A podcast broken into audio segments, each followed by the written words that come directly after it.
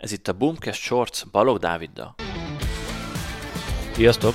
A mai adásban egy olyan hírre fogok reagálni, ami még sosem történt meg az e-kereskedelemben. Ugyanis az Indexen nemrég olvastam egy cikket arról, hogy most először van olyan az elmúlt tíz évben, amióta ezt úgy komolyabban kutatják, hogy csökkent az e-kereskedelem aránya a kiskereskedelmen belül. Pontos számokat most nem fogok mondani, egyébként ez a GKID és a Mastercardnak a felmérése, úgyhogy így megtalálod akár a konkrét adatokat is. De az a lényeg, hogy a tavaly évben folyamatosan csökkent az online szektor lendülete, és ez egészen odáig fajult, hogy csökkent az e-kereskedelem aránya is. Ennek oka egyébként részben ugye a 2022-ben lemódosított kata törvény, mert nagyon sok webshop ment csődbe, vagy egyszerűen hagyott fel a működéssel. Tehát ez az egyik fő ok. A másik pedig ugye az a gazdasági válság, amiben éppen vagyunk.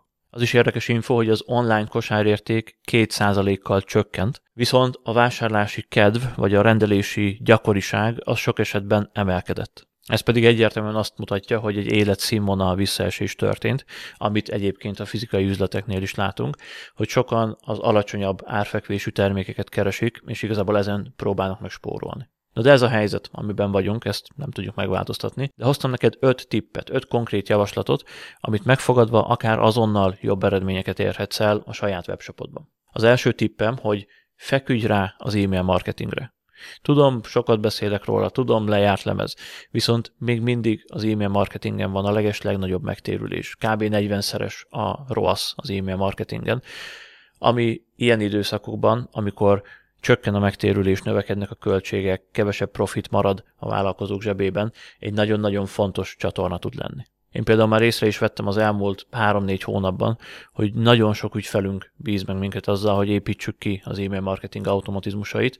Olyan ügyfelek, akik évek óta nálunk vannak, és eddig nem érdekelte őket, de most jutottak el arra a pontra, hogy igenis meg akarják csinálni. Úgyhogy az első tip e-mail marketing. A második az, hogy ne félj akciózni.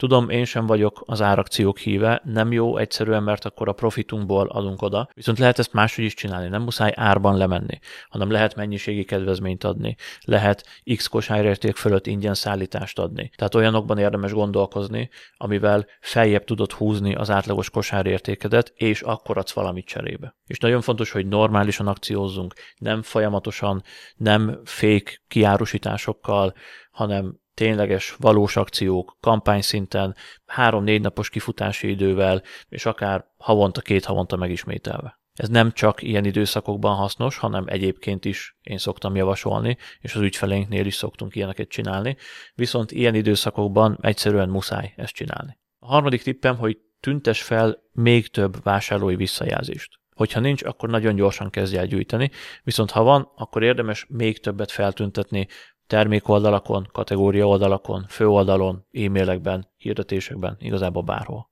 A negyedik tippem, hogy dolgozz az ajánlatodon. Nagyon egyszerű, igazából minden az ajánlaton múlik, és minden más, ami marketing igazából, az csak a körítés. A hirdetések, az e-mail marketing, a tartalom marketing, a SEO mind az ajánlat felé tereli az embereket, ami, hogyha rossz, akkor egyszerűen nem fogsz tudni eladni. Ebben most nem megyek bele olyan részletesen, mert idén már két adást is posztoltam erről a témáról. Ezeket beteszem a videó alá, és akkor meg tudod nézni. És végül a legutolsó tipp, hogy javíts a fizetett hirdetéseid teljesítményén. Ez talán a legfontosabb, mert szinte mindenki, aki e-kereskedelemben utazik, valamilyen úton, módon fizet a hirdetésekért, legyen az TikTok, legyen az Google Ads, legyen az Facebook, Instagram, tök mindegy, de fizetett hirdetéseket szinte mindenki futtat és hol lehet a leginkább spórolni, vagy a leginkább növelni a hatékonyságot, mert nem is a spórolás a cél, hát ott, ahol a legnagyobb költés van, a fizetett hirdetéseknél.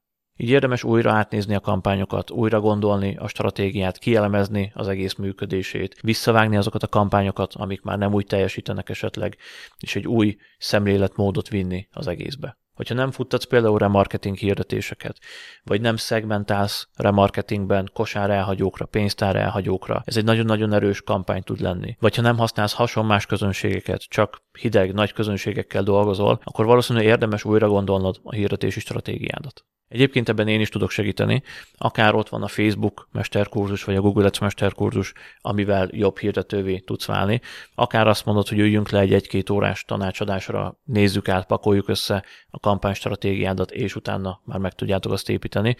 Igazából teljesen mindegy. Az a lényeg, hogy legyen valami változás az eddigiekhez képest, hogyha most nem úgy mennek a számok, ahogy kellene. Tanácsadást persze csak limitált keretek között tudok vállalni, általában ilyen 3-4 hétre előre találunk időpontot, ügyfeleket pedig most igazából nem tudunk vállalni, mert nyár végéig egészen be vagyunk ütemezve. Ha bármelyik érdekel, megtalálod a részleteket a boommarketing.hu-n, vagy dobj nekem egy e-mailt a davidkukacboommarketing.hu e-mail címre, és akkor felvesszük a fonalat. Úgyhogy ennyi lett volna már a Boomcast Shorts. Remélem, hogy ma is tudtam valami hasznos, értékes infóval szolgálni, és köszönöm, hogy ismét velem töltöttétek az időtöket. Sziasztok!